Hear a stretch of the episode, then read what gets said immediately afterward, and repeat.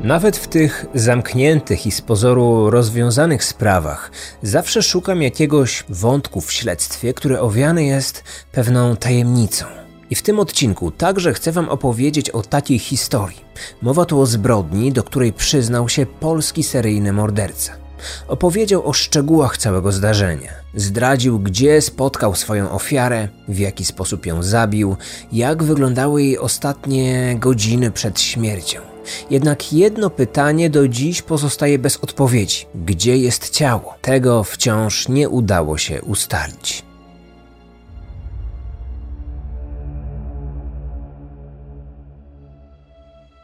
To Edmund Kolanowski, nekrofil i seryjny morderca, zwany także zimnym chirurgiem. Został skazany za trzy zabójstwa na karę śmierci i w 1986 roku zawisł na szubienicy jako jeden z ostatnich przestępców, których stracono w Poznaniu. Jedną z jego ofiar była Kazimiera D. I to właśnie tą sprawą dziś się zajmiemy. Ta historia mam wrażenie, że zazwyczaj jest trochę pomijana, bo gdy mówimy o przypadku seryjnego zabójcy i nekrofila Edmunda Kolanowskiego, to zazwyczaj skupiamy się na jego modus operandi. Mówimy o tym, w jaki sposób obchodził się ze zwłokami i w jaki sposób zaspokajał swoje seksualne fantazje, no bo nie oszukujmy się, w tej sprawie ten wątek wydaje się taki najbardziej przerażający i najciekawszy dla wszystkich osób zainteresowanych tematem. O tym także dzisiaj wspomnimy, jednak głównym tematem odcinka jest Kazimiera G., bo to pierwsza ofiara, śmiertelna ofiara tego mężczyzny, to od niej właściwie rozpoczęła się cała ta mordercza seria. Zanim jednak przedstawię Wam okoliczności tego zdarzenia, posłuchajcie proszę, w jaki sposób w ogóle milicjanci nakłonili Edmunda do tego, aby o tej sprawie opowiedział. Bo to nie było tak, że on po zatrzymaniu zaczął o wszystkim śpiewać i zaczął przedstawiać okoliczności zbrodni. Nie, jego przesłuchania trwały długie miesiące, to były żmudne godziny rozmów, a właściwie monologów, w których Kolanowski nie chciał się otworzyć, nie chciał opowiedzieć o, o tym, co zrobił. Oto wspomnienia Jerzego Jakubowskiego, który przesłuchiwał nekrofila i seryjnego mordercę. Ja do, zrobiłem tablicę poglądową z tych, z tych spraw poszukiwawczych i, i, i tych niewykrytych i umieściłem zdjęcia kobiet. Położyłem na, na, na tym stole, przy którym on zwykle siadał, będąc przyprowadzony na, przesłuchania. On wszedł, on usiadł. Co to jest? Ja mówię, no wiesz co, są to zdjęcia kobiet. Chciałbym, żebyś się przy, bardzo dokładnie przypatrzył tym zdjęciom, bo prawdopodobnie masz związek przynajmniej z jedną z nich. Blef. No i on, i to było zaskoczenie dla mnie. On był na takim etapie, że chyba było mu już wszystko jedno. No i wskazał na, na, na zdjęcie kobiety. Też to było interesujące, bo to było zdjęcie legitymacyjne. I on mówi tak, tą poznaję. No ale poznajesz i co? Kolanowski złapał więc przynętę milicjantów i w końcu zaczął opowiadać. Potem powiedział więcej. To już było sprawdzalne. Ja wiedziałem skąd ta kobieta jest, skąd była. Mieszkała we wsi Emilianowo, trasie Poznań-Szamotuły. Jak się jedzie do, do Szamotu, stacja kolejowa Baborówko jest po, lewej, po prawej stronie, po lewej przez drogę Poznań-Szamotuły idzie się w kierunku wsi Emilianowo. To ja wiedziałem.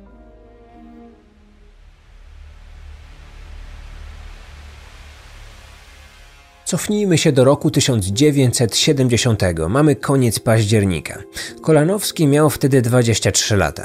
Jego żona przebywała w szpitalu, oczekiwała narodzin dziecka. Wkrótce na świat miała przyjść jego pierwsza córka. Pewnego dnia na dworcu PKP w Poznaniu spotkał młodą kobietę. Było to Kazimiera D. Trochę ze sobą pogadali. Możemy założyć, że oboje wpadli sobie w oko, bo umówili się na randkę już następnego dnia. Ale łobuz z tego Edmunda, prawda? Zamiast wspierać żonę, przynosić jej na oddział kwiaty, owoce i witaminy, to on włóczył się po mieście, szukając przygód z nowo poznanymi kobietami. Kolejnego dnia spotkali się w kawiarni. Po krótkiej rozmowie Kazimiera zaproponowała Edmundowi, aby wspólnie pojechali do Emilianowa, gdzie mieszkała. To była mała wioska, położona około 30 km na północny zachód od Poznania. Para miała dojechać do tego miejsca pociągiem, jednak do samego Emilianowa pociąg nie dojeżdżał. Dlatego Edmund z Kazimierą wysiedli na stacji Baborówko. Ta miejscowość znajdowała się obok. Do Emilianowa mieli dojść pieszo. Jeszcze w pociągu umówili się, że po wyjściu, gdy będą szli w kierunku Emilianowa, to znajdą jakieś odpowiednie miejsce i tam dojdzie między nimi do seksu. Od razu zaznaczam, że to, o czym mówię dzisiaj, to jest wersja zdarzeń przedstawiona przez Kolanowskiego. Nie udało się porozmawiać ze świadkami tego zdarzenia, nie udało się dotrzeć do osób, które były świadkiem tej rozmowy, które, które uczestniczyły przy tym spotkaniu, więc nie mamy stuprocentowej pewności, że to, co powiedział Kolanowski w trakcie śledztwa i na sali rozpraw, jest w stu procentach prawdziwe. Przebieg tego feralnego dnia mógł być więc zupełnie inny. To dodaje tak na marginesie. Para poszła więc w kierunku wioski. Kazimiera dobrze znała to miejsce. Często wracała pociągiem z Poznania i zdarzało jej się już wcześniej chodzić tą drogą do domu. I gdy byli już w lesie, bo droga prowadziła przez las, Edmund zaatakował podniósł z ziemi jakąś dużą gałąź, e, jak później opowiadał, mogła mieć około metra długości i uderzył kilka razy Kazimierę w głowę. Ta natychmiast upadła, ale Kolanowski nie przestał jej bić. Kontynuował zadawanie obrażeń tak długo, aż miał pewność, że nie żyje. Dopiero gdy zobaczył, że nie oddycha, gdy zobaczył, że się nie rusza, przestał.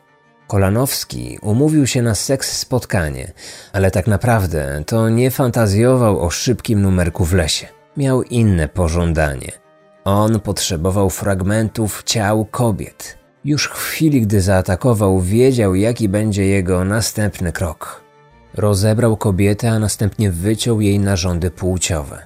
Wykorzystał do tego swój scyzoryk, który zawsze nosił przy sobie. Podobno chęć na dokonanie tego zabójstwa pojawiła się u niego dopiero wtedy, gdy szli przez las. Mm, załóżmy, że tak było. On nie miał więc planu, co zrobić potem z ciałem. Nie znał tego miejsca, był tam pierwszy raz. Nie miał ze sobą łopaty. E, nie mógł więc e, skutecznie zakopać tych zwłok, nie wiedział, czy w pobliżu są jakieś zbiorniki wodne, aby ukryć to ciało.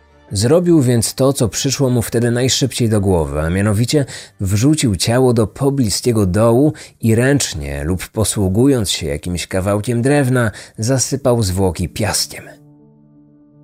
Te fragmenty ciała, które przed chwilą wyciął, zawinął w papier i zabrał ze sobą do domu. Przyszywał je do specjalnie przygotowanych manekinów i przy takiej konstrukcji zaspokajał swoje potrzeby seksualne przez kilka następnych dni. Kolanowski z miejsca zdarzenia zabrał także torebkę należącą do ofiary. Dlaczego to zrobił? Być może chodziło o pieniądze. On na pewno nie zaatakował tej kobiety, jak i żadnej innej dla kasy. Ale skoro pojawiła się już taka możliwość, możliwe, że zamierzał z niej skorzystać i zabrać pieniądze, które jego ofiara miała wtedy przy sobie. Może chciał wziąć z torebki ofiary jakiś przedmiot do niej należący, aby mu o całej sytuacji przypominał, coś na wzór trofeum, chociaż to raczej nie było w stylu Kolanowskiego. A może po prostu w ten sposób chciał utrudnić śledztwo. Jeżeli ktoś znajdzie ciało i nie będzie przy nim dokumentów, być może kobieta nie zostanie zidentyfikowana, albo chociaż brak dokumentów opóźni identyfikację. W każdym razie, to właśnie ta torebka okazała się gwoździem do trumny. Hmm. Gwóźdź do trumny to ciekawe określenie w kontekście tej sprawy, przyznajcie. Wydaje mi się, że gdyby Edmund wtedy nie zabrał z lasu tej torebki, albo gdyby chociaż pozbył się jej w inny sposób, to być może nigdy nie zostałby za te zbrodnie skazany. Byłoby za mało dowodów, aby oskarżyć go o zabójstwo Kazimiery D. Jakiś czas później pewien mężczyzna, który wykonywał prace związane z regulacją rzeki, zwrócił uwagę na pewien mały biały przedmiot. Leżała zaraz obok mostu Marchlewskiego, obecnie królowej Jadwigi, na betonowym brzegu Warty. Mężczyzna chyba nawet jej nie otwierał. Od razu powiadomił o znalezisku swojego szefa, który zaniósł ją do posterunku wodnego milicji. We wnętrzu torebki były dokumenty zaginionej Kazimiery G. On podczas przesłuchań, oczywiście pytaliśmy o tą torebkę, no bo to dosyć istotne, to można było zweryfikować. I on, y, mało tego, no wiedzieliśmy z którego miejsca, most, ówczesny most Markleckiego, teraz most Królowej Jadwigi, no jest dosyć szerokim mostem. To miejsce, mm, z którego można wyrzucić, to, to może być z prawej strony, z lewej strony i tak dalej, z przodu, z, z tyłu, z lewej i tak dalej. Więc robimy wizję lokalną, jedziemy z nim. On, on oczywiście wcześniej powiedział, że pojechał następnego dnia czternastką z przystanku takiego i takiego, wysiadł na określonym przystanku, poszedł na most, wskazał to miejsce, wyrzucił tą torebkę. Nie schodził na dół, tylko wyrzucił. Gdybyśmy w jakimś momencie chcieli na siłę jemu przybijać tą sprawę, to pewno ktoś z nas wymyślił, że poszedł na dół i ją, i ją położył, prawda? Nie. On twierdzi, że ją wyrzucił i tak, i tak na wizji lokalnej pokazał. Kolanowski, gdy po zabójstwie wrócił już do Poznania, przeszukał torebkę. Znalazł tam 120 złotych. Pieniądze oczywiście zabrał, a resztę wyrzucił. Dobra, Edmund zdradził więc okoliczności całego zdarzenia, a na wizji lokalnej dokładnie prezentował, w którym miejscu wyrzucił torebkę z mostu, w jaki sposób to zrobił itd. Tak itd. Tak Trzeba było teraz znaleźć odpowiedź na to najważniejsze, na to kluczowe pytanie: gdzie jest ciało?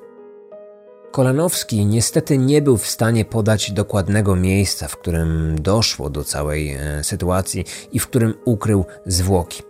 Oczywiście pamiętał, w którym miejscu wysiedli z pociągu, wiedział mniej więcej, e, w którą stronę zmierzali, ale przez kilkanaście lat krajobraz tego miejsca bardzo się zmienił.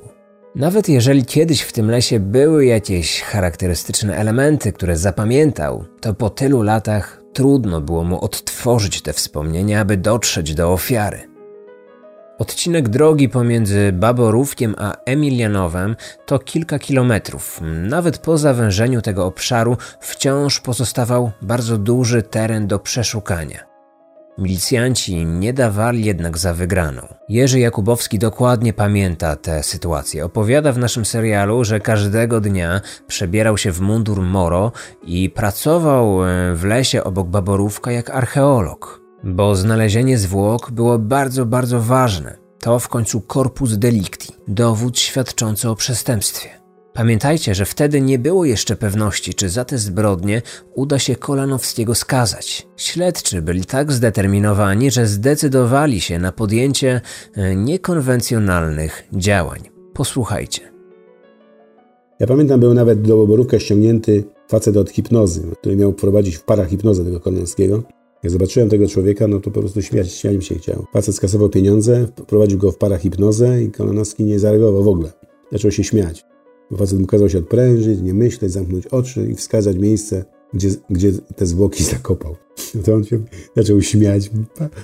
On w pewnym momencie do mnie mówił, może nie po imieniu, ale mówił, panie poruczniku, co to, co to, co to za pajac tu przyjechał? Ciała, a raczej szczątków Kazimiery do dziś nie odnaleziono. Kto wie, być może jej kości wciąż znajdują się gdzieś w lesie obok Baborówka. Jak widzicie, nawet te zamknięte i z pozoru rozwiązane śledztwa też kryją pewne sekrety. A takich tajemnic wokół sprawy Edmunda jest e, jeszcze więcej. Na jednym z przesłuchań on przyznał się do tego, że zabił sześć osób. Przypomnę, że ostatecznie skazano go tylko za trzy zabójstwa. Jedną z kobiet, o zabójstwo której się go podejrzewało, było młoda, zaginiona, atrakcyjna kelnerka z wuzetki. Jej ciała także do dziś nie odnaleziono. Ta sprawa wciąż jest nierozwiązana. Oczywiście, że nastąpiły pewne pytania, a czy jeszcze przypadkiem czegoś sobie nie przypominasz?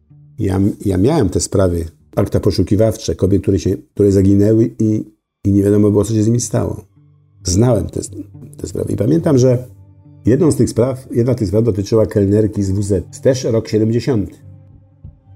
I nie ukrywam, że za, zacząłem na ten temat rozmawiać, ale nie na zasadzie takiej zabiłeś kelnerkę z WZ, bo to tak się tego nie robi. Próbowałem go związać z tym WZ-em, z tym miejscem. Podpytywałem. On zaczął na ten temat Opowiada, że on chodził na kawę do WZ-u. I tam, i, i tam powiedział coś takiego o tej kurtce. W przypadku tego zaginięcia, przy tej sprawie, także były bardzo mocne poszlaki. Edmund mógł mieć związek z zaginięciem i śmiercią tej kobiety.